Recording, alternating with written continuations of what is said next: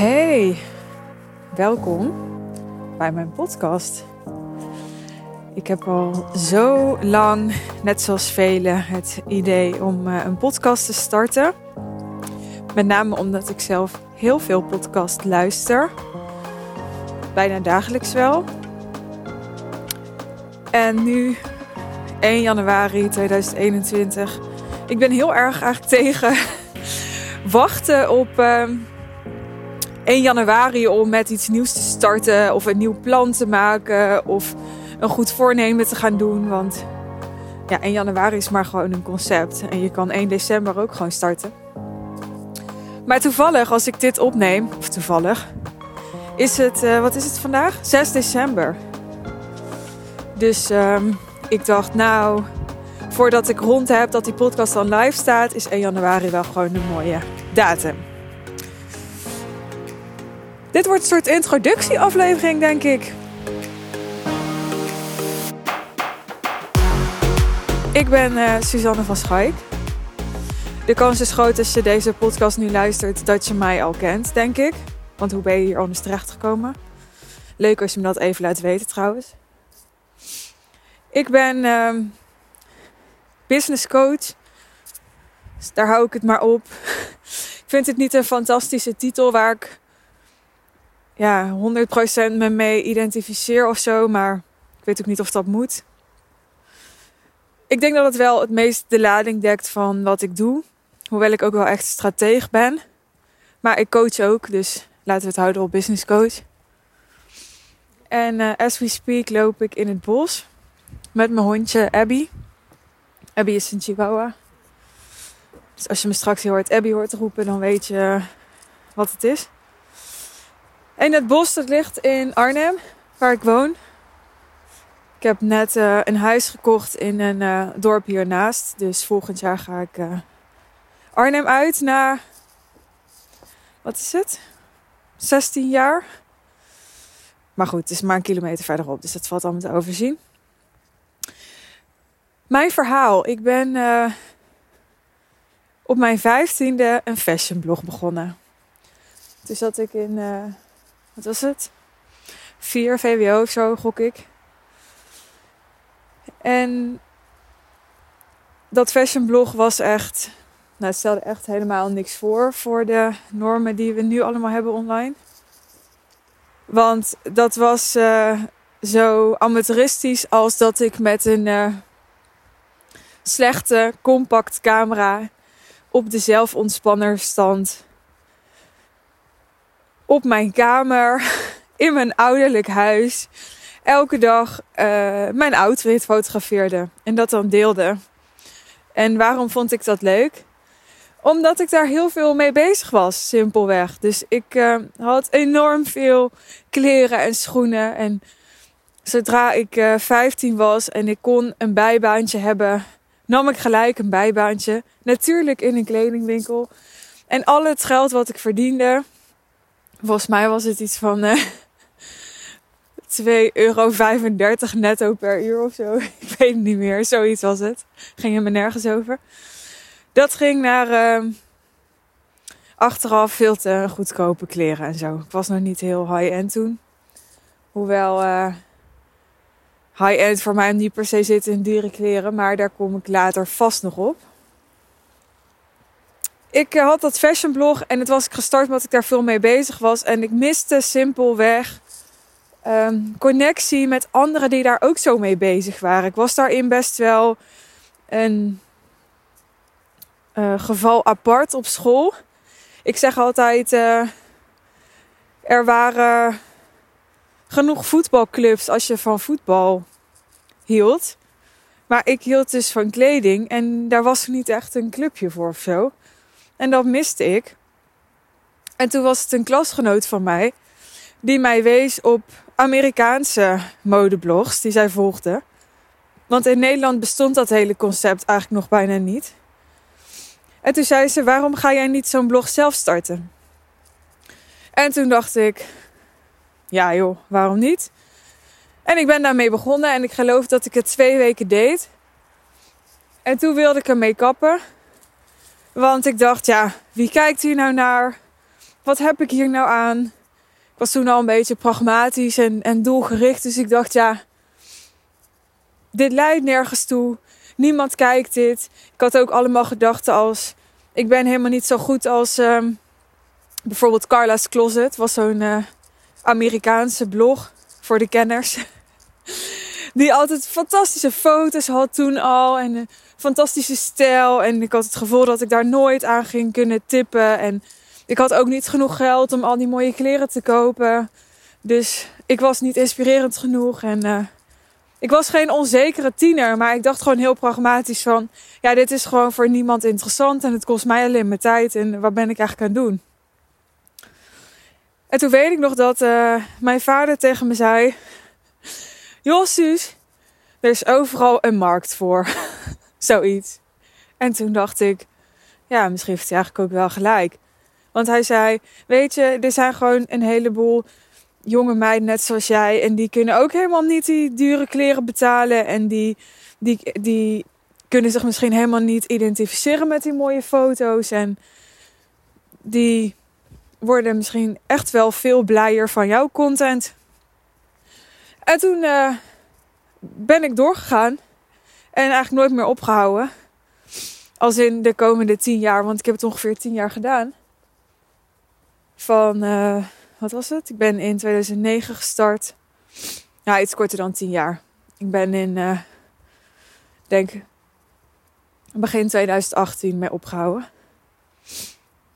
Dus negen jaar dat waren negen interessante jaren. Want ik heb het uh, twee jaar echt hobbymatig gedaan. Terwijl ik nog op de middelbare school zat.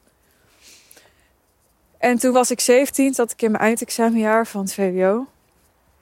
En ik was min of meer overspannen. Ja, dat kan blijkbaar ook op je 17e al. Het is natuurlijk maar net welk labeltje eraan hangt, maar goed. Dat was het labeltje wat ik had gekregen. Het kwam erop neer dat ik elke dag huilend uit school kwam dat ik het allemaal vreselijk vond op school. Ik voelde me daarin een keurslijf. Ik ben heel introvert. Ik heb ja, sociale contacten, groepen en zo altijd een beetje ingewikkeld gevonden. Daar had ik toen ook last van. En um, ik was er dus ook een beetje van overtuigd dat ik niet mijn uh, diploma zou halen. Dat lukte gelukkig wel. Ik ben bijna niet naar school gegaan dat jaar. Maar uh, ik kon goed leren. En ik was gewoon uh, slim, weet je wel. Ik wist gewoon van... ik, ik weet nog dat ik een proefwerk geschiedenis aan het maken was. En dat... Uh, dat ik gewoon wist van... Oké, bij deze vraag willen ze in ieder geval deze term in het antwoord hebben. En dan verzon ik gewoon een soort lulverhaal met die term erin. En dan wist ik dat ik achteraf naar de leraar kon gaan. Ook al was mijn antwoord niet goed. En gewoon kon zeggen: Ja, meneer, maar het criterium was dat deze term erin stond. En uh, die staat erin. En nou ja, dat is een beetje hoe ik mijn diploma haalde.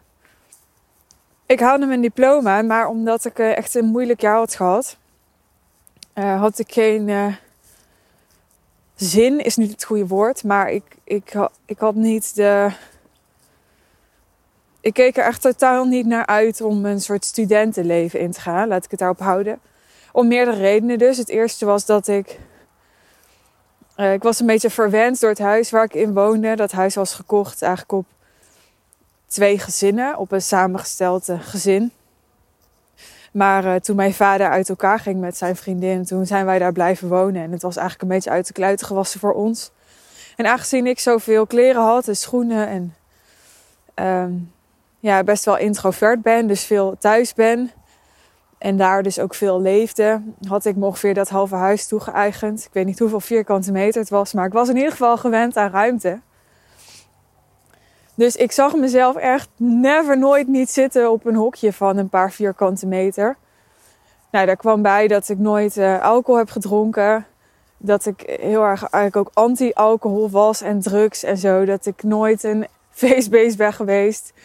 Dus er was eigenlijk helemaal niks aan het studentenleven in combinatie met dat ik het helemaal niet zag zitten om weer te moeten doen wat zo'n studie me opdraagde. Hoewel ik opdraagde, opdroeg, ik weet het eigenlijk niet. Opdroeg, denk ik. hoewel ik natuurlijk wist dat uh, als je naar de universiteit gaat of zelfs naar het HBO, dat je dan meer vrijheid hebt dan op de middelbare school. Maar toch, ik voelde daar helemaal niks voor. En uh, ik was ook wel zo slim om te bedenken dat je wel een beetje gemotiveerd moest zijn om aan zoiets te beginnen.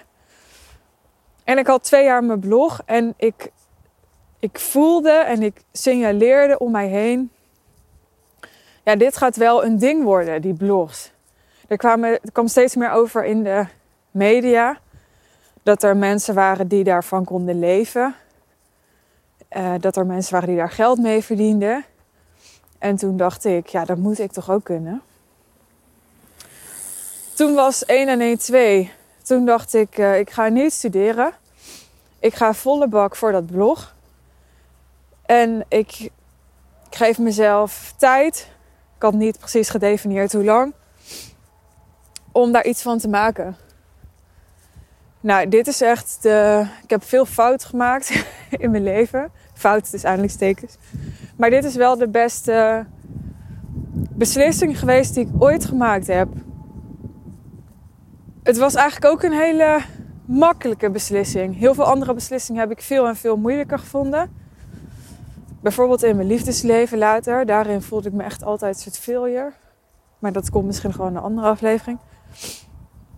Maar dit was voor mij eigenlijk volkomen logisch. Voor de buitenwereld niet per se. Want die hadden zoiets van: joh, jij kan goed leren. En wat ga je nou doen? Je gaat nu de hele dag foto's van jezelf maken en op het internet zetten. Maar daar trok ik me niet zoveel van aan. Ik zou me daar nu denk ik veel meer van aantrekken. Maar ik was best wel een uh, harde, beetje rechtse puber. En ik, uh, ik zei al, ik was niet heel onzeker of zo. Waarschijnlijk deep down wel. Maar daar was ik me in ieder geval niet zo bewust van. Ik was, omdat ik best wel nou ja, andere kenmerken had dan leeftijdsgenoten, was denk ik een heel goed doelwit geweest om gepest te worden bijvoorbeeld. Maar ik, ik had best wel een grote bek. Ik trok altijd mijn bek wel open. Ik kwam altijd goed voor mezelf op. Dus ik weet dat toen de buitenwereld, ook wel mensen in mijn familie en zo iets gehad hebben van wat ga je doen? Maar dat, ik heb het niet eens gehoord. En uh, gelukkig stond mijn vader heel erg achter me. Mijn moeder is overleden toen ik zes was. Dus ik ben uh, met mijn vader opgegroeid. En mijn vader die, uh, ja, die zag wel dat ik iets anders nodig had op dat moment dan een studie gaan volgen. En dat ik daar niet echt gemotiveerd voor was. En hij zag dat ik dat blog met heel veel uh, passie en bevlogenheid uh, maakte. Dus hij dacht: ga dit maar gewoon doen. En wat dit was, dat uh, wisten we denk ik allebei niet precies. Ik was 17, weet je wel. Ik, ik dacht denk ik op dat moment ook nog niet heel ver de toekomst in. Het was ook niet zo dat ik heel naïef was hoor. Want ja, ik wist ook wel dat het iets ging betekenen. Misschien dat ik dan niet een vervolgopleiding zou hebben gedaan en geen diploma zou hebben. Maar ook daar dacht ik heel pragmatisch over na. Ik dacht, ja, ik ben 17. Als ik dit nu twee jaar doe, wat best wel lang is als je 17 bent, dan ben ik 19. Als ik dan hier klaar mee ben, of het werkt niet meer, of het is niet gelukt, dan kan ik toch nog steeds gaan studeren. ik dacht, ik heb tijd zat. En dat is ook waarom het denk ik een van de beste keuzes geweest die ik ooit gemaakt heb. Omdat ik, ik had toen nog tijd.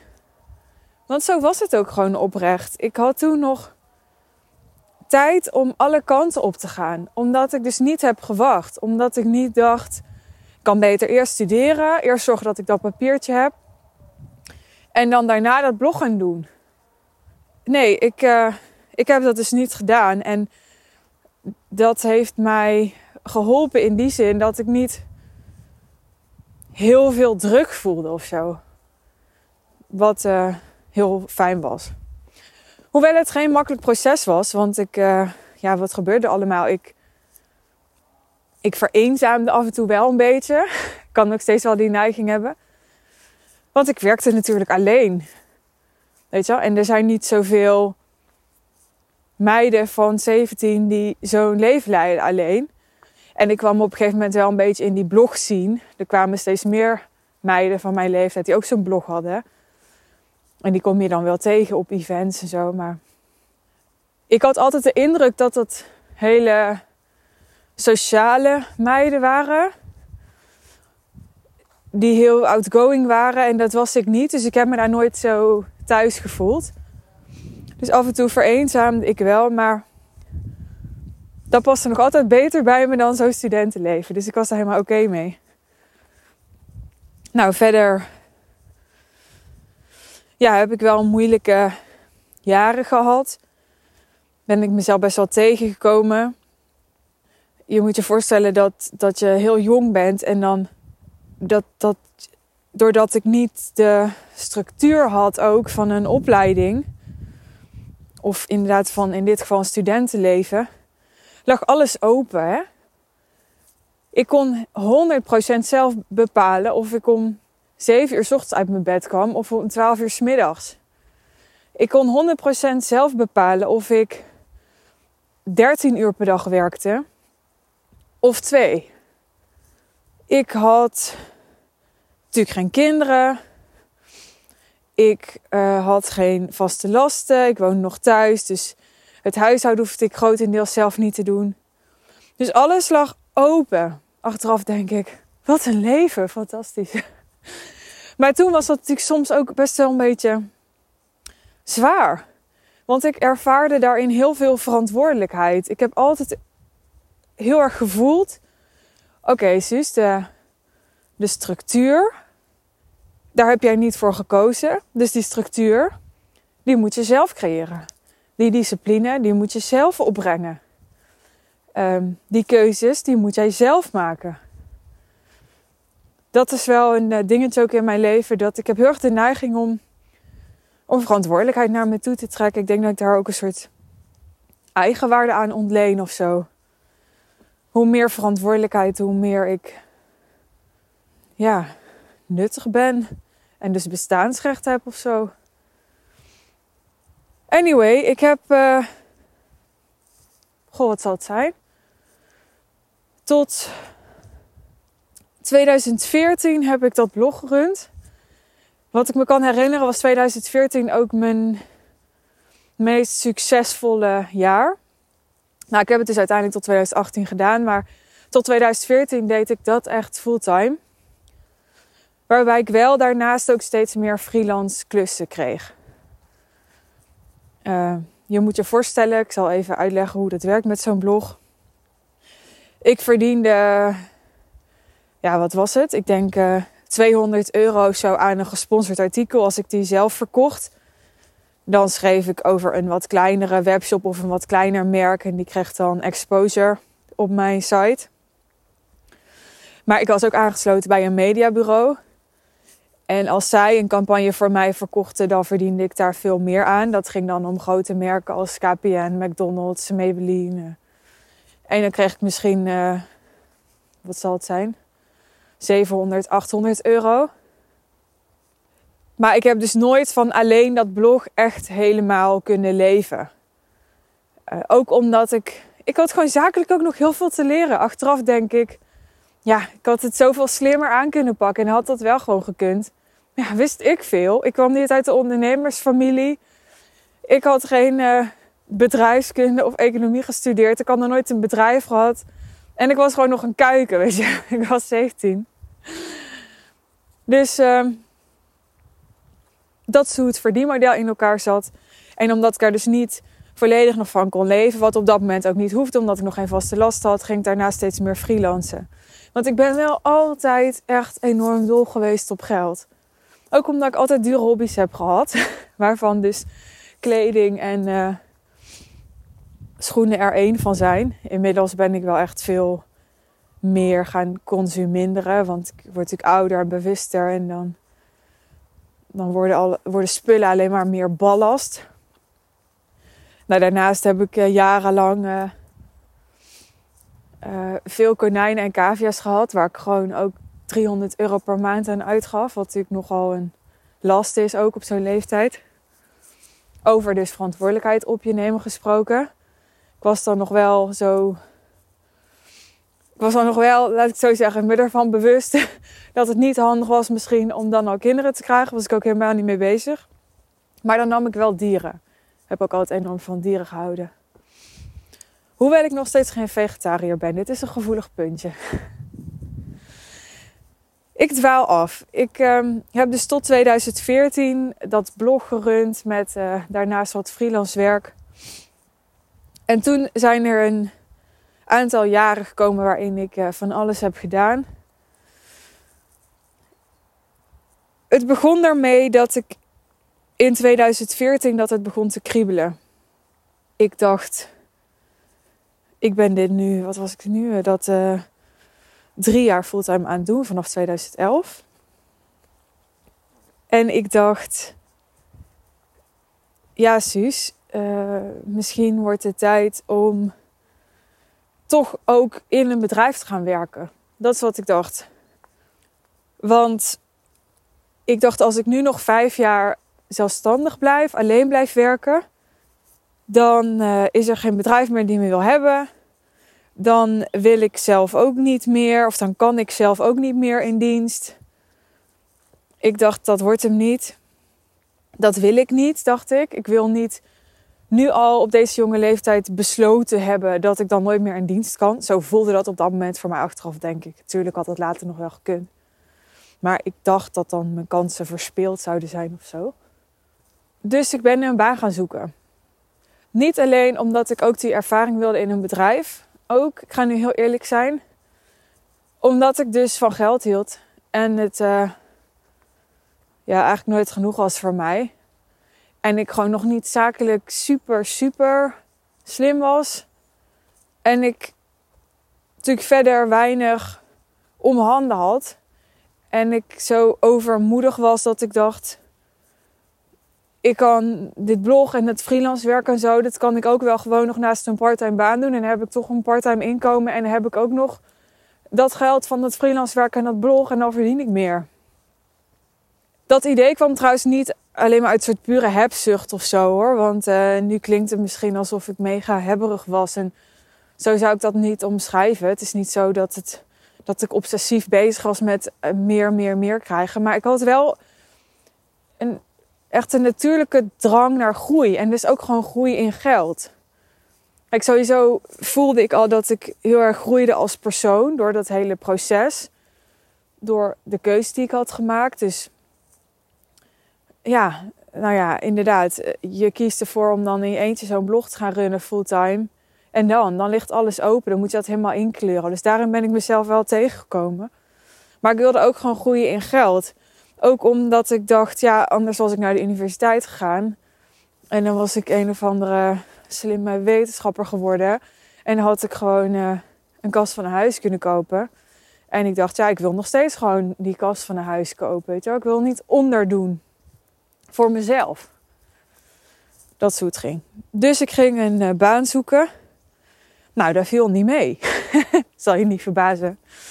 Want ik wilde niet uh, achter de kassa bij de Albert Heijn. Ik wilde echt een, een baan die me weer verder ging helpen, in me, verder ging brengen in mijn carrière.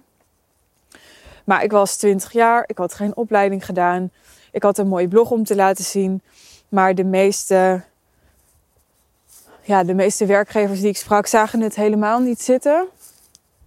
Om iemand die zo jong al ervoor had gekozen om alleen te gaan werken, om die in dienst te nemen. Want die voelde ergens, en ik denk ook wel terecht, ja, dan gaan we investeren in jou, jouw kneden. Want dat was natuurlijk nodig, want ik wist nog niks. Ik was pas 20 jaar. En ja, ga toch weer weg. Want als jij zo jong al die drang hebt om, om je eigen ding te doen, dan ga jij hier niet uh, minimaal vijf jaar blijven of zo. Nou, dat is ook later gebleken dat het inderdaad niet zo was. Maar ik ben wel een, uh, een doorzetter als ik iets in mijn kop heb, heb ik het niet in mijn kont. Dus ik denk dat ik nou, echt tientallen sollicitaties eruit heb gedaan. En gereageerd op vacatures, op hele leuke, op hele stomme. Er kon me eigenlijk niet zoveel schelen. Ik dacht, ik moet gewoon ergens naar binnen. Ik moet gewoon een, ingang hebben. En ik heb ook wat open sollicitaties verstuurd. En één daarvan was naar een uh, kinderkledingmerk. Ik hield natuurlijk van kleding. En ik woonde in Arnhem. En ik wilde heel graag bij een, een kleding of een cosmetica bedrijf of zo werken. Want dat vond ik leuk. Maar die hoofdkantoren en zo, die zaten vrijwel allemaal in, uh, in de Randstad. In Waalwijk heb je een heleboel uh, hoofdkantoren voor schoenen en dergelijke. En op een dag dacht ik, ik ga eens googlen wat er dan wel in Gelderland zit op dit terrein. Toen vond ik een kinderkledingmerk. En heb ik een open sollicitatie naar gestuurd. En uh, ik denk een week of twee weken later werd ik gebeld. Hoi, je hebt een open sollicitatie gestuurd en uh, we willen wel een keer met je praten. Nou, daar ging ik. Ik had nog geen rijbewijs. Uh, het was ergens een beetje in uh, de middle of nowhere waar je niet goed met openbaar vervoer kon komen. Dus ik geloof dat mijn pa me heeft gebracht of zo. Ik weet niet meer precies.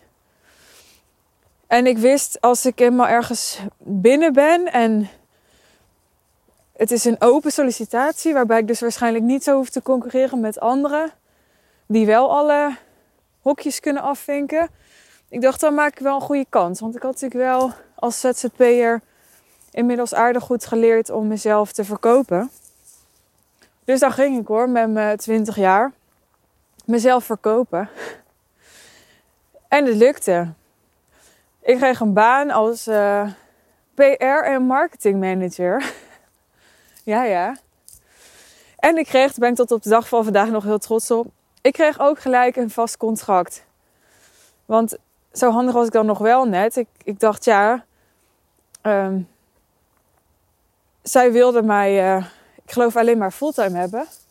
Parttime deden ze niet aan. Toen dacht ik, ja, ik zit niet in de positie om eisen te stellen, dus ik moet dat gewoon doen. Maar ik, ik had nooit intentie om mijn blog op te geven. Dat was mijn kindje, dat was mijn alles. Dus ik dacht, nou, dan ga ik dat blog wel gewoon s'avonds en in het weekend doen. Ik wist dat dat een uitdaging ging zijn, want ik was dus gewoon gewend om daar overdag en s'avonds en in het weekend aan te werken. Dus ik zou hoe dan ook een stapje terug moeten doen. Ik dacht, ik ga dat blog niet opgeven. Maar tegen hen eh, zei ik dat ik wel bereid was om dat te doen. Maar ik had zoiets van, ja, daar moet dan wel ook iets goeds tegenover staan. Dus een beetje onderhandeld over mijn salaris. En ik kreeg een uh, vast contract. Ik uh, ben toen als een malle mijn rijbewijs gaan halen. Lukte helemaal niet. Ik ben echt de slechtste autorijder ooit. Ik had 88 lessen nodig. En toen moest ik nog bij wijze van spreken die, die examinator omkopen. ik overdrijf een beetje, maar... Want uh, ik kon dus, als ik met het openbaar vervoer daarheen moest, dan, dan had ik een reis van uh, 2,5 uur enkele reizen. Zo, dat was echt geen doen. Dus ik geloof dat ik in juni werd aangenomen. En dat ik in september zou starten. En dat ik dus drie maanden had om mijn rijbewijs te halen. Dus ik heb toen heel veel rijlessen gehad. Ik heb dat niet gehaald september, maar dat tezijde. Ik ben wel toen in september begonnen bij die baan. Ik kon uh, carpoolen met een collega die in de buurt woonde. Daar kon ik meerijden. En ik heb daar precies drie weken gezeten. Ik was uh, in die drie weken best wel heel ongelukkig daar. Ik voelde me heel erg aan mijn lot overgelaten. Ik uh, kreeg een bureau en een computer en ze zeiden, nou ga het maar doen. En ik wist totaal niet wat het was. En ik was niet, uh, ja, ik was niet op mijn achterhoofd gevallen. Dus ik ging wel gewoon dingen doen. Maar ja, dan maakte ik ook fouten, dus aanhalingstekens. Iets wat ik me kan herinneren is dat ik toen ik ging werken aan hun Instagram. En toen had ik een foto gepost waar ook een concurrent van hen op stond. Nou, toen werd ik wel even op het matje geroepen, want dat kon echt niet. En dat was een soort van uh, doodzonde nummer één in hun bedrijf. Ja, daar werd ik wel een beetje ongelukkig van. En ik probeerde soms het gesprek aan te gaan. En dan voelde ik me altijd niet echt gezien en gehoord. Uh, je moet je voorstellen, dat bedrijf staat op de Veluwe, Bijbelbelt. De mensen die daar werkten, die waren eigenlijk allemaal familie van elkaar of buren. Of het was een hele hechte club. En ik kwam ja, als buitenstaander kwam ik uit Arnhem en zo voelde ik me ook echt, echt een buitenstaander. Maar no way dat ik daar wegging. Want het was eindelijk gelukt. En wat ik al zei, ik ben best wel een doorzetter. Dus ik dacht, nee, dit hoort er gewoon bij. Ik moet hier gewoon doorheen. Totdat ik uh, na drie weken door de directeur bij me op kantoor werd geroepen. Die directeur was super tof. Hele slimme, ervaren man. Die kwam bij Tommy Hilfiger vandaan. En die... Ja, ik was heel dankbaar ervoor ook dat hij wat in mij gezien had. Dat hij mijn potentie zag en dat hij mij een kans had gegeven. En het klikte heel goed tussen ons. Maar het klikte niet tussen mij en de rest van het team. En dat zag hij. Dus hij zei eigenlijk tegen mij van... Joh, ik vind het vervelend, maar ik ben hier de directeur. En ik uh, moet uh, choose your battles toepassen. Dus het is uh, of de rest van het team, oftewel de rest van het bedrijf, of jij. Want ja, ze zien het gewoon niet zo erg zitten met jou. Ja, dat was natuurlijk een beetje pijnlijk wel. En toen, uh, toen ging het echt letterlijk zo. Toen uh, zei hij, er staat beneden een taxi voor je klaar. Die gaat je naar huis brengen. En uh, dit was het. Dat was wel heftig. Als je dan 20 jaar bent. Want ik, ehm, ik had natuurlijk mijn ego helemaal volgepompt met het idee dat ik PR en marketing manager ging worden. Dat was natuurlijk nogal een titel. En uh, ik had dat ook tegen mijn omgeving verteld. En ik had me erop ingesteld dat ik, ja, dat ik niet veel tijd meer ging hebben voor mijn blog. Ik had sommige dingen moeten afbouwen of moeten afhouden. Ik had natuurlijk drie maanden heel veel uh, tijd en geld gestoken in een rijbewijs halen. Ik, ik had daar helemaal naartoe gewerkt. En uh, toen stond ik na drie weken buiten. En het voelde best wel ook als een afwijzing op mij als persoon. Wat het misschien ook wel voor een deel was. En met mijn uh, historie en het feit dat ik al mezelf zo'n verhaal vertelde dat ik niet zo goed ben met mensen. Dat maakte dat ik, ja, dat dat pijn deed. Maar ik was ook dankbaar. Want ik dacht, joh, beter nu na drie weken dan bijvoorbeeld na drie maanden. Want ik wist dat mijn blog dan uh, nog op een veel lager pitje zou staan. Nu was het maar drie weken, dus ik kon alles zo weer oppakken. Dus dat heb ik gedaan. En ik ben verder gaan solliciteren. Gewoon de dag daarna, ik weet nog, een week later zat ik alweer bij Miss Etam. Had ik alweer een ingang daar gevonden. En uh, toen begon het hele verhaal weer van voor of aan. Weer tientallen, misschien wel honderden sollicitaties verstuurd. Heel vaak kwam ik op gesprek en heel vaak durfde ze het dan toch niet aan met me. En toen weet ik nog dat ik eind december afsprak met uh, Vera. Vera was een vriendin van me. We hebben elkaar ooit leren kennen op de hockeyclub in Arnhem. Toen waren we denk ik twaalf. Nou, toen waren we geen vriendinnen of zo. Hebben we nooit veel contact gehad. Totdat ik dus op mijn vijftiende dat blog begon. En Vera me op een gegeven moment een berichtje stuurde. Via Hives. Toen was er nog Hives. hey, wat leuk dat je altijd blogt. En uh, ik zou eigenlijk ook een blog willen starten. Maar ik vind het allemaal een beetje spannend. Weet je wel, wat vinden mensen daar dan van? En, uh, en ik zei, joh, moet je gewoon doen. Niet dat ik mezelf nu heel veel credits wil geven. Maar dat is ongeveer hoe het ging. En uh, de rest is geschiedenis. Want Vera is nog steeds een hele populaire influencer. Het blog van haar dat ging als een raket. Veel harder dan die van mij.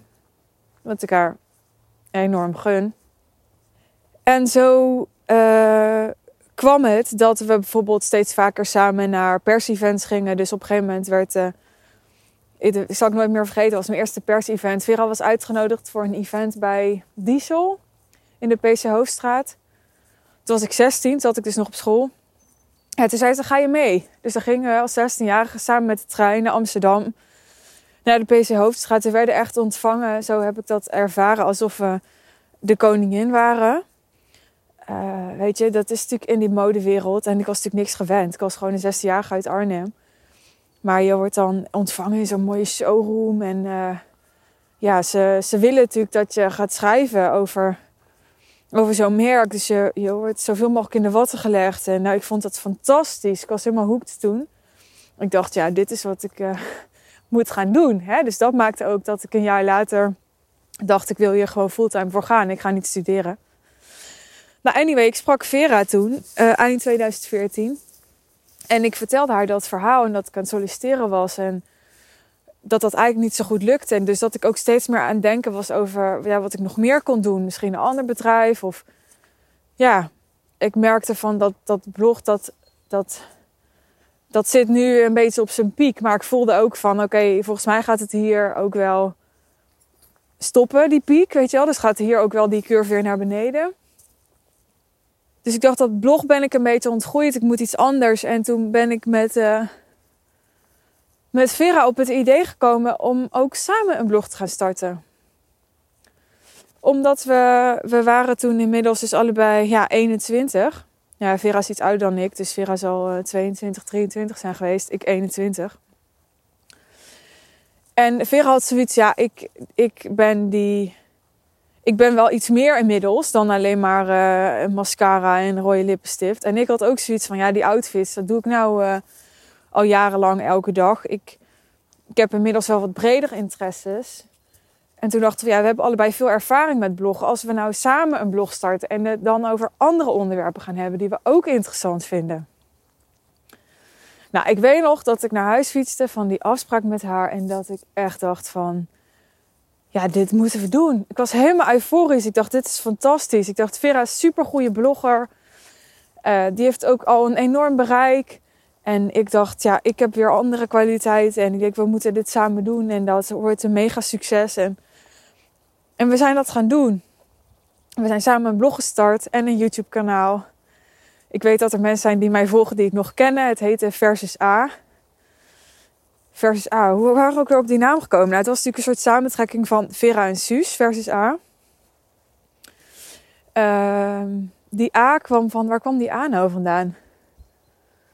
Dat ik eigenlijk niet meer, maar daarmee klonk het als een soort van formule of zo. Dat vonden we wel leuk, want alleen maar versus vonden we, vonden we niet zo leuk linken. En versus betekent natuurlijk ook een soort van, uh, ja, wat betekent dat precies? tegenover elkaar of zo. En omdat we best wel verschillend waren, vonden we dat ook weer grappig. Dus zo hebben we die naam bedacht. Nou, Vera die kon heel goed photoshoppen en zo. Dus uh, zij heeft die, die, dat logo gemaakt. En uh, met de zelfontspanner maakten we een leuke foto van ons tweeën. En hup, daar gingen we. Dat is eigenlijk heel snel heel succesvol wel. Uh, ik ging één dag per week ging ik naar Amsterdam. Om met haar te werken. En tegelijkertijd ging ik ook voor Vera werken. Dus we hadden toen samen een bedrijf. Maar Vera huurde mij ook in om allerlei zakelijke dingen voor haar te doen. Omdat ik, uh, ja, ik, ik moest misschien nog heel veel leren op zakelijk gebied. Maar ik had wel een beetje aanleg daarvoor. Dus ik had wel veel commercieel inzicht en zo. Ik wist op een gegeven moment wel een beetje, oh zo moet ik dat aanpakken. En Vera vond al dat zakelijk gewoon helemaal niet leuk. Die wilde vooral echt bezig zijn met content. En ik vond het wel leuk, een beetje onderhandelen. Dus ik zei, joh, ik ga dat wel voor je doen. En ze wilde een eigen make-up lijn. Dus ik dacht, ik ga wel voor je uitzoeken hoe we dat voor elkaar kunnen krijgen. En, uh... Dus ik ging, uh, wat is het, ongeveer één dag in de week ging ik voor Vera werken. En uh, één dag in de week werkten we samen aan ons blog. En de rest van de tijd deden we gewoon ons eigen ding. En het ging heel erg goed. Het was begin 2015. Ik ging toen uit huis, ging toen samenwonen. Het was wel een heftige tijd. Want op een gegeven moment uh, heb ik toch weer een baan genomen.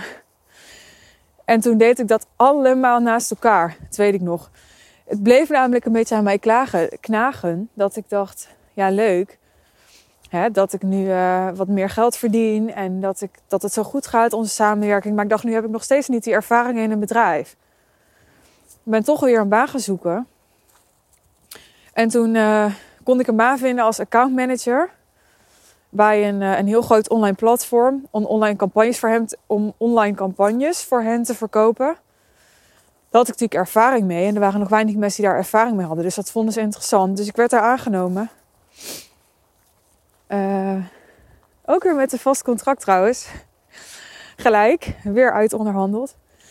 En toen had ik uh, vier dagen een baan. Ik had uh, versus aan met Vera. Ik werkte voor Vera. Ik had Fashion is a Party, mijn eigen blog. Ik had freelance werk. En ik was uit huis aan het gaan, aan het verhuizen, gaan samenwonen. ja, als ik nu erop terugga, denk ik echt, hoe de fuck deed ik dat? Maar ik, eh, dat was ook wel echt het jaar 2015 was dat dat ik echt alleen maar, alleen maar werkte. Maar ik vond het ook allemaal heel leuk. Dus het was ook oké toen. Ehm, en toch ging het fout tussen Vera en mij. Niet zozeer tussen ons. Wij zijn altijd gewoon uh, op goede voet met elkaar gebleven. Maar onze samenwerking, die kon dat niet dragen op dat moment. Uh, om twee redenen. Omdat ik uh, te veel andere dingen ernaast deed. Waardoor ik niet, ja, niet alle prioriteit kon geven aan ons project samen. En aan de andere kant had ik iets onderschat, namelijk dat Vera al een heel succesvol blog had in haar eentje.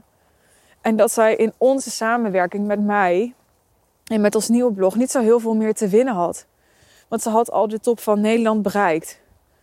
En ze verdiende daar al ook goed geld mee. Weet je wel? Dus uh, ik merkte dat ons blog ook niet bij haar echt prioriteit had.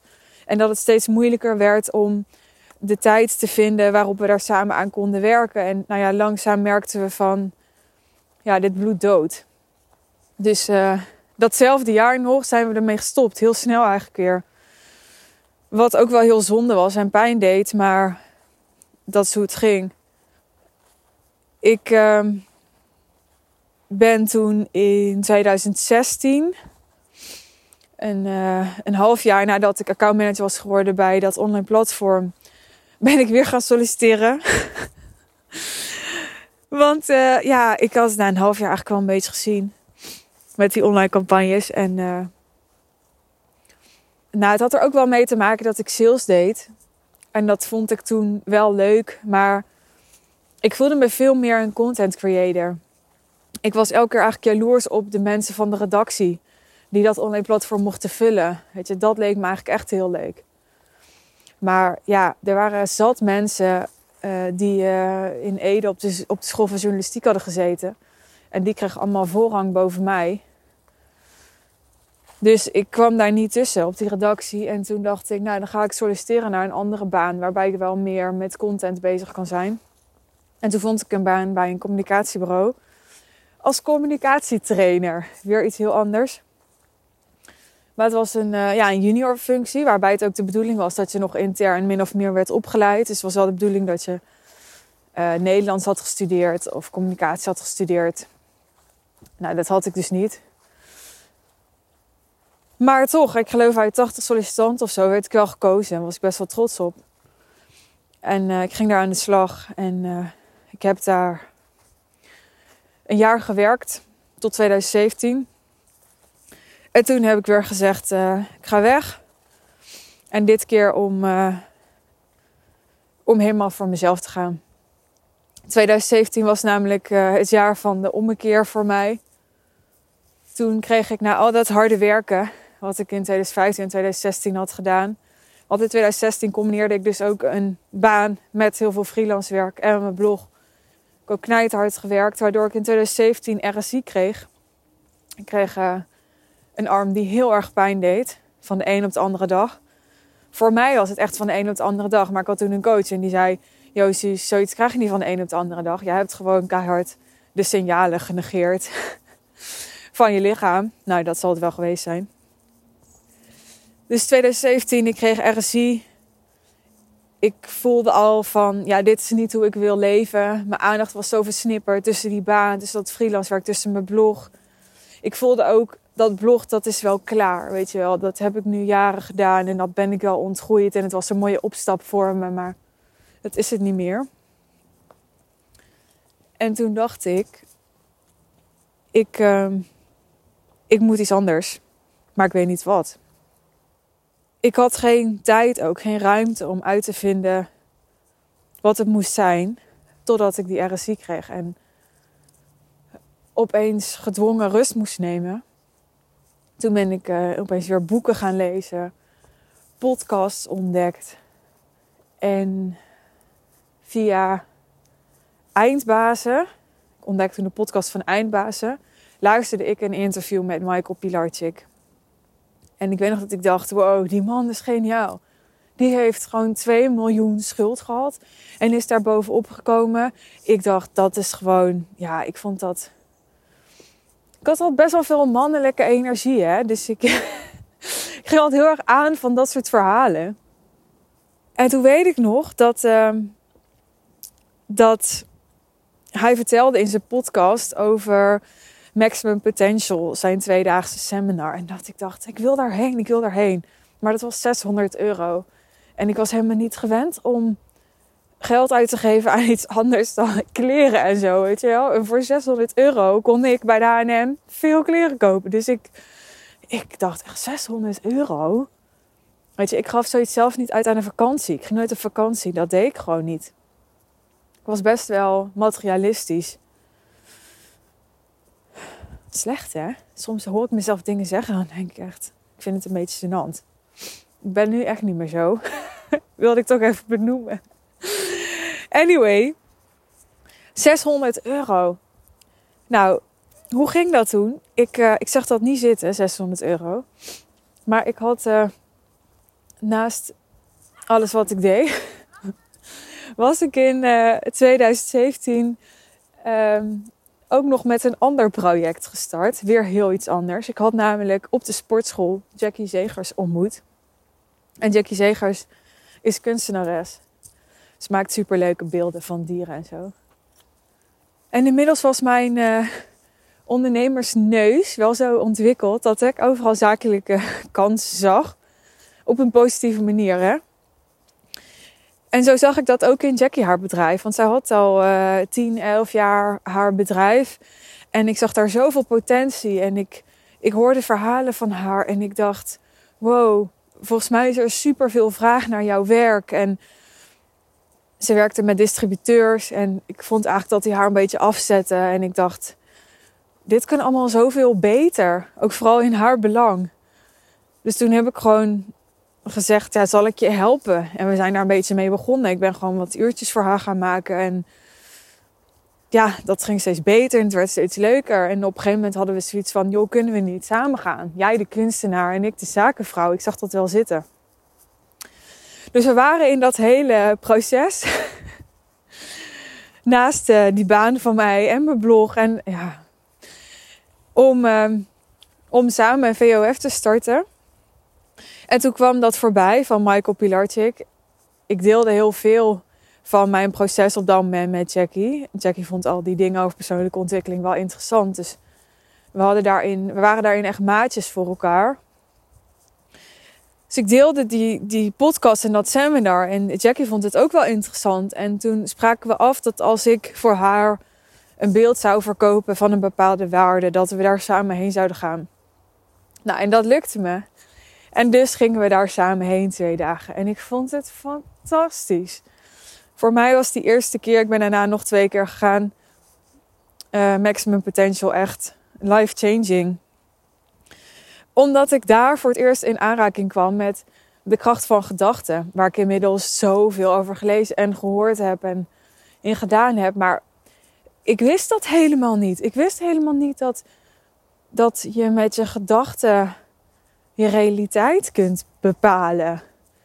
Dat, dat je gedachten in ieder geval zoveel invloed hebben op, ja, op alles. Op je leven, op je omstandigheden, op hoe je je voelt, op, op je energieniveau, op je relaties, op alles. Dus toen uh, was ik zo onder de indruk die twee dagen, dat ik me ook wel realiseerde: oké, nu ik dit allemaal weet, moet ik dingen echt anders gaan doen in mijn leven. Ik besloot aan het einde van die tweedaagse twee dingen. Allereerst om mijn uh, baan op te zeggen. Ik kan ook weer helemaal uitweiden over die baan. Maar ja, ik was ook in die baan weer een beetje een vreemde eend in de bijt. Wat ik namelijk deed als uh, communicatieadviseur en communicatietrainer was ambtenaren. Want mijn werkgever die richtte zich op, uh, op ambtenaren, op uh, gemeentes, op pensioenfondsen, op wat hadden we nog meer? Woningcorporaties. Om die te coachen en te trainen in heldere communicatie. Dus ik had bijvoorbeeld een training brieven en e-mails schrijven. Waar ik trouwens nog steeds super veel aan heb. Een brief schrijft natuurlijk helemaal geen hond meer. Dat vond ik toen al heel erg ouderwets. Maar goed, in die ambtenarenwereld gebeurt het nog veel. Maar e-mails schrijf ik natuurlijk uh, bijna elke dag. En uh, wat ik daar heb geleerd heeft mijn e-mails zoveel beter gemaakt. Daar ben ik wel echt dankbaar voor. Want ik vind heel veel e-mails heel slecht en onduidelijk en slordig en zo altijd. Ik zie trouwens zelf ook heel vaak e-mails van mezelf die slordig zijn hoor. Ik ben zeker geen heilige, maar goed. Dat terzijde. Ik uh, wilde die baan uh, opzeggen. Waarom? Omdat ja, die baan had ik inmiddels vooral voor de veiligheid. Weet je, ik had daar een jaar gewerkt. Ik vond het hartstikke leuk, oprecht, om daar van alles te leren. Maar ik wist inmiddels in mijn hart donders goed dat ik een ondernemer was. En ik voelde me een soort grijze muis daar op een kantoor. Ik was af en toe wel op locatie bij die gemeentes. Maar ja, zo bruisend is het bij een gemeente nou ook weer niet. Het enige waar ik echt een kick van kreeg, was dat ik daar als 24-jarige gewoon 57-jarige oude mannen ging vertellen hoe ze dingen moesten doen. Ja, daar kreeg ik wel een kick van. dat vond mijn ego wel leuk. en ik was er ook goed in, dus dat was ook leuk. Maar het was wel tijd om weg te gaan. Dus ik besloot, ik ga komende week mijn baan opzeggen. Dat was de eerste beslissing. En de tweede beslissing was, ik ga naar Bali en daar ga ik dan eens uitdenken wat ik ga doen. Nou, dat heb ik gedaan. Ik heb mijn baan opgezegd. Ik ben naar Bali gegaan. En tijdens die reis bedacht ik dat ik twee dingen wilde. Het eerste was mijn eigen coachingsbedrijf.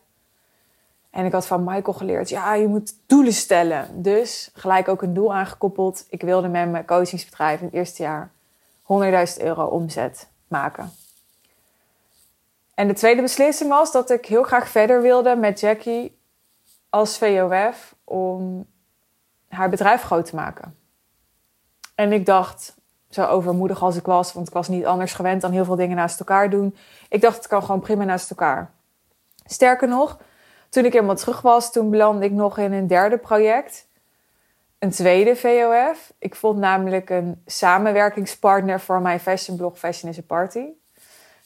Want ik was inmiddels ook zover dat ik dacht, ja, ik wil met dat blog stoppen. Maar ik heb zoveel tijd en geld en energie in dat blog zitten. En er zit nu heel veel SEO-waarde in en al die dingen. Het is zonde als het ja, nu een hoe noemen ze dat? Een, uh, kan er niet opkomen, stoffige dood sterft of zo, zoiets dergelijks. En toen uh, kwam ik iemand tegen en die zag het wel zitten om er met mij een affiliate site van te maken. En als ik er nu op terugkijk, dan denk ik, daar had ik eigenlijk helemaal geen zin in. Maar ik vond het gewoon zonde om de waarde die erin zat niet meer te benutten. Maar omdat ik er helemaal geen zin in had, uh, ging dat na een aantal maanden kapot, zou je zeggen. Want die ander voelde ook dat ik eigenlijk helemaal geen zin in had. Mijn samenwerking met Jackie liep ook spaak. Waarom? Omdat ik daarnaast allemaal andere dingen aan het doen was. Dus ik heb uh, toen uh, eind 2017 wel nog een paar harde lessen voor me kiezen gekregen. Namelijk dat wat al die goeroes zeggen over focussen, dat het echt waar is dat als je je aandacht versnippert en vooral als je dat stiekem toch een beetje uit angst gaat doen, wat bijna altijd het geval is, ik heb later geleerd, als het complex wordt in je bedrijf, in je leven, dan is het omdat er angst speelt. Nou, dat was er aan de hand. Mijn leven was best wel complex, omdat ik de hele tijd zoveel dingen met elkaar combineerde en tegelijkertijd wilde doen. Daar wordt het complex van, het is niet simpel. En er zat gewoon angst onder. Angst om, nou in het geval van mijn blog, om, om waarde niet te verzilveren. Uh, in het geval van Jackie uh, had ik toch ergens deep down altijd het gevoel... dan sta ik in haar schaduw, weet je wel. Jackie was de naam van het bedrijf, was de kunstenaar. Ik was niet boeiend. Ik was alleen maar de, de sidekick. En later leerde ik ook, dat is mijn rol niet. Ik ben geen sidekick. En daar heb ik toen, ben ik toen bij Vera tegen aangelopen. Daar ben ik toen bij Jackie tegen aangelopen. Ik kan dat wel, maar ik word daar uiteindelijk heel uh, ongelukkig van. Dus met Jackie liep het ook spaak en dat had met meerdere dingen te maken. Waaronder dus dat ik onvoldoende erop focuste. Waardoor Jackie op een gegeven moment zoiets had van... Ja, weet je, ik heb nou mijn halve bedrijf afgestaan naar jou... maar jij doet er leuk nog drie dingen naast. Terwijl ik wel hier mijn inkomen uit moet halen. Daar ging het fout. Ergens anders waar het fout ging, was dat wij met een heel andere insteek daarin zaten. Kijk, Jackie is natuurlijk kunstenaar. En ik keek er heel zakelijk naar. Dus ik weet nog dat we op een gegeven moment in een situatie terechtkwamen... waarbij de verf op was of zo. En Jackie zei, ja, ik wil nieuwe verf kopen. En ik keek naar de voorraad en ik dacht... ja, maar we hebben nog meer dan genoeg voorraad. Je hoeft nou helemaal niks bij te maken. Het moet eerst weer verkocht worden. Ja, en dan moet je natuurlijk niet zeggen tegen een kunstenaar, weet je wel. Die, dat is de levensinvulling om kunst te maken. Dus ik ging doodleuk tegen haar vertellen, nadat ze elf jaar zelfstandig was geweest, dat we misschien geen verf moesten kopen. Nou, dat, dat was niet zo'n succes. Dus dat, daar ging het fout. En wat we ook leerden, waar het fout ging, dat leerde ik toen van een coach die wij samen hadden. Ik was wel zo slim al toen om een coach in te schakelen tijdens die samenwerking. Maar daar leerde ik dat als je met z'n tweeën in een bedrijf zit, dat je dezelfde waarde moet hebben voor dat bedrijf, omdat je anders geen keuze kunt maken. En dat is waar we in die situatie met die verf tegenaan liepen. Mijn belangrijkste kernwaarde was succes. Haar belangrijkste kernwaarde was plezier. Zij wilde vooral plezier hebben met dat bedrijf. Ik wilde succesvol worden. Ik wilde een imperium bouwen. En als die waarden niet overeenkomen, dan gaat het bij de minste of geringste beslissing die je samen moet nemen, gaat dat botsen. Dat is wat er gebeurde. Dus twee VOF's clashten en ik was nog alleen over met mijn coachingbedrijf. En dat had ook zo moeten zijn, want ik heb echt het gevoel dat ik nu mijn roeping heb gevonden. Daar begon het. Daar werd ik eind 2017 uh, business coach. En de vraag die me heel vaak is gesteld is: maar hoe begin je dan? Er is niks, je bent niks. Je bent niks, klinkt heel zielig.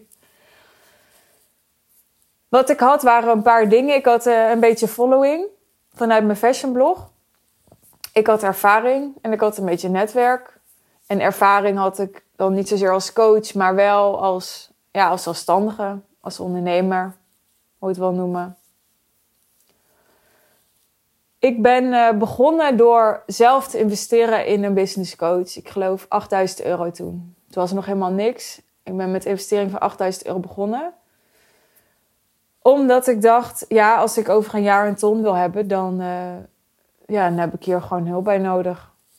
Punt. Ik dacht, ik, uh, ik weet van mezelf dat ik nou ja, met vallen en opstaan uh, een heel eind kan komen. Want dat had ik al gedaan. Maar ik had geen zin meer in tijd verspillen en dingen inefficiënt doen. En weer op mijn bek gaan en zo. Dat had ik allemaal wel gezien. Ik dacht, nu, nu wil ik het goed doen. Dus ik ben gaan investeren en uh, toen werd ik boos. Ja, ik werd echt boos op mijn coach omdat ik die investering had gedaan. Was 100% mijn eigen keuze natuurlijk. Ik had geen pistool op mijn hoofd gehad en ik had er ook goed over nagedacht. Het was echt een proces van uh, een half jaar of zo. Want dat coachingsidee, dat zat al eerder in mijn hoofd. Dat begin 2017 al in mijn hoofd. Dus toen was ik al aan het oriënteren gegaan. Dus het was 100% mijn eigen verantwoordelijkheid. Maar ik nam die verantwoordelijkheid niet. Dus ik ging die verantwoordelijkheid buiten mezelf plaatsen. En ik had een hele goede coach.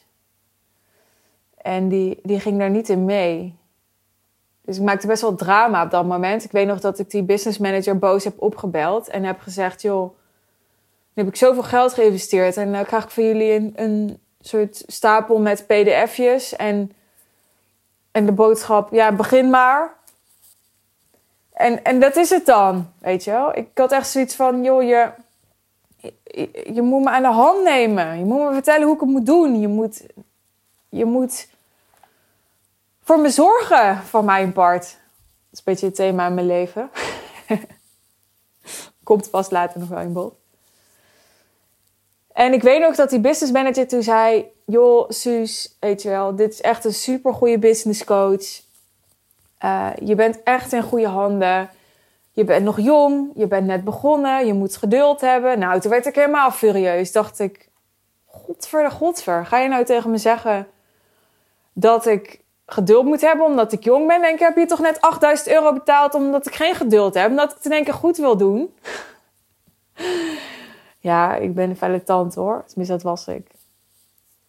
Niets minder. Maar goed, ik had dat geld al overgemaakt. Ik zat al in een programma. Het duurde een jaar. Ik was net begonnen inderdaad. Dus ik dacht, nou ja, ik kan twee dingen doen. Ik kan nu mijn kont tegen de krip gooien en uh, nog een keer boos bellen en uh, moeilijk doen en mijn geld kwijt zijn. Of ik kan doen wat ze zeggen. Ook al geloof ik er niet in of voel ik me tekort gedaan of wat dan ook. En kijken hoe ver ik kom. Nou, doen wat ze zeggen kwam neer op het begin gewoon. En dat ben ik toen gaan doen. Ik zal je zo gedetailleerd mogelijk uitleggen hoe ik dat deed, want zijn mensen altijd benieuwd naar. Nou, ik deed dus freelance werk. Dus in mijn netwerk wisten mensen dat ik onder andere social media beheer deed voor bedrijven. Dus dan hield ik social media bij, dan maakte ik content voor ze en online strategie.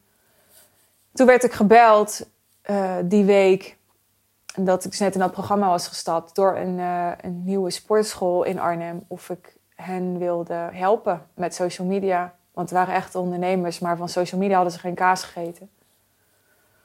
En toen heb ik gezegd, uh, nou, ik heb eigenlijk net besloten om, om daarmee te stoppen. Ik ga niet meer uitvoerend dat voor jullie doen. Maar ik heb er wel verstand van over hoe je dat moet aanpakken. Dus uh, zal ik eens komen praten en dan ga ik met jullie meedenken over hoe je dat kan doen. En toen, ik dat had ik geloof ik geleerd uit die materialen of uit het programma wat ik volgde. Maar toen had ik bedacht dat ik ging proberen een VIP-dag te verkopen. Dat zag ik als soort eerste stap. En vanuit die VIP-dag dan een programma te verkopen. Want ik wist dat dat is waar ik naartoe moest om een programma te verkopen. Maar ik dacht, ik doe eerst een VIP-dag. Daar vroeg ik toen, uh, ik geloof, 797 euro voor. Dus ik ging daarheen. Was natuurlijk vlakbij. Ik woonde in Arnhem, naar de sportschool. Ik ging praten met die gasten.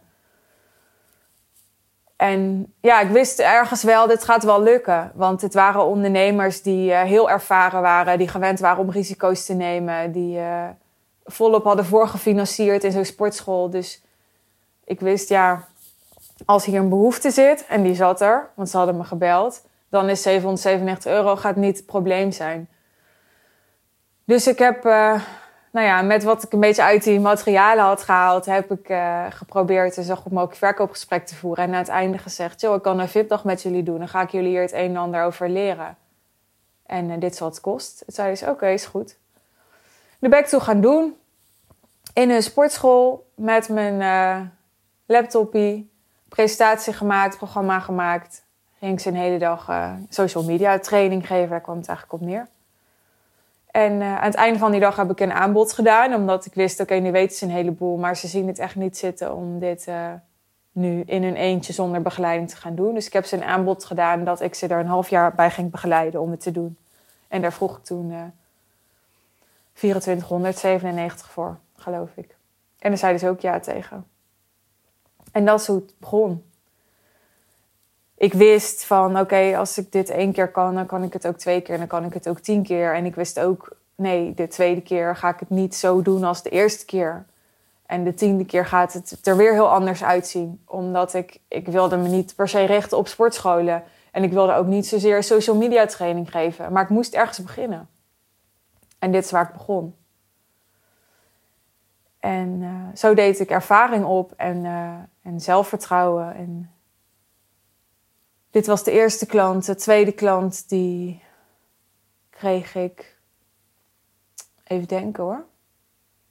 Ik weet nog wel wie mijn eerste klanten waren, maar welke volgorde dat precies ging, weet ik niet meer. Maar de eerste paar klanten kwamen uit een Facebookgroep waar ik in zat. Dus iemand deed een oproep, had ergens behoefte aan, volgens mij aan uh, een betere website of zo. Of nee, ze wilde leren bloggen.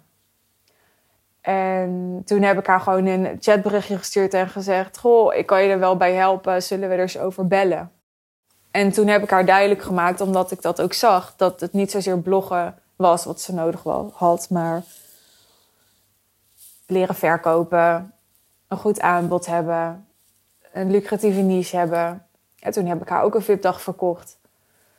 Een volgende klant kwam via Twitter. Ik had best wel een Twitter-following in de tijd van 5000 volgers of zo. En nou, elke keer als ik uh, weer iets te delen had hierover. En dat delen moet je vooral ook een beetje zelf verzinnen. Maar ik deelde dat ik hiermee begonnen was. En dat ik die VIP-dag had gedaan voor die sportschool. En nou, zo kwam er iemand die volgde mij al langer vanuit mijn fashionblog. Waardoor er al een soort vertrouwen was. En die zei, ja, ik wil wel een keer met je bellen. Nou, dat werd ook een klant. Ik had in 2016 een keer een masterclass gegeven over vloggen. Waar wat mensen op af waren gekomen. Nou, die mensen heb ik allemaal een berichtje gestuurd met waar ik nu mee bezig was. En ook de uitnodiging om te bellen. Zo kwam de volgende klant. En zo groeide dat. Zo groeide dat. En ondertussen nam ik me voor om uh, een tijd lang bijvoorbeeld elke dag op LinkedIn iets te posten. En het was allemaal niet per se hoogdravend, maar ik wist, oké, mensen kennen mij als fashionblogger. Ik moet zorgen dat ik nu consistent zichtbaar ben met wat ik nu wil doen, waar ik nu voor sta, wie ik nu help. Ik wist ook, ik moet hierbij door een bepaalde skepsis heen breken. Want mensen hadden echt zoiets toen van, wat gaat zij nou opeens doen? Weet je wel, ik bedoel leuk dat ze leuk is met kleren. En ik zie ook dat ze online volgers kan opbouwen. Maar business coach, weet je wel, dat is toch wel echt iets anders. Dus ik moest laten zien dat ik, dat ik echt wel iets kon en iets wist. Want dat kon ik. Ik had talloze freelance klanten gehad. Ik had dus als communicatieadviseur gewerkt, ook al was dat niet in een commerciële omgeving. Ik had wel heel veel geleerd waar ik nu nog steeds gebruik van maak. Ik had als accountmanager gewerkt. Dus ik had veel saleservaring opgedaan. En ik was dus een business coach programma gaan volgen waarin ik ook gecertificeerd coach kon worden. En natuurlijk was er een heleboel wat ik nog niet wist en kon. Maar het is maar net waar je op focust op dat moment.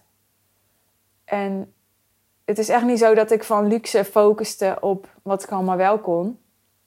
Voor mij voelde het op dat moment echt als bittere noodzaak. Ik had mijn baan opgezegd. Uh, dat met Jackie was niks geworden. Uh, Fashion is a Party, VOF was niks geworden. Ik had dat doel gesteld en ik ben iemand, als ik een doel stel, dan uh, ga ik hem ook halen. Ik had die investering gedaan. Dus there was no way back. En dat is ook als ik nu kijk naar de afgelopen drie jaar ervaring, die eigenlijk voelde als twintig, maar het is drie jaar als business coach. Dan is dat ook waar ik toch vaak zie dat het fout gaat, dus aanhalingstekens. Dat het te comfortabel is voor mensen om, om het niet echt gaan doen ik heb toen er wel echt voor gezorgd dat, het, dat er geen plan B was. En dat helpt gewoon.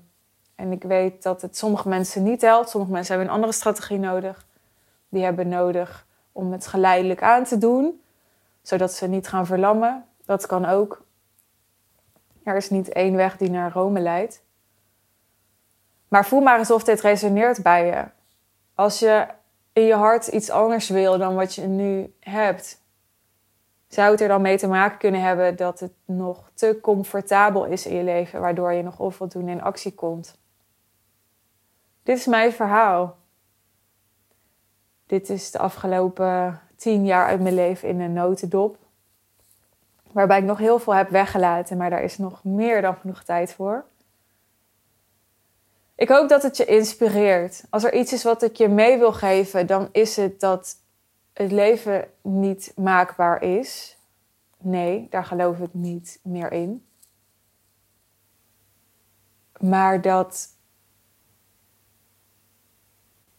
dat je nooit genoeg hoeft te nemen. Ik haat concessies. School was voor mij een grote concessie. Daar deed ik dus niet meer aan. Ik wilde het inrichten zoals ik het wilde. En daarmee is het niet altijd gegaan zoals ik het wilde. Dat is wat anders. Maar ik richt het wel in zoals ik het wil. En dat kan jij ook.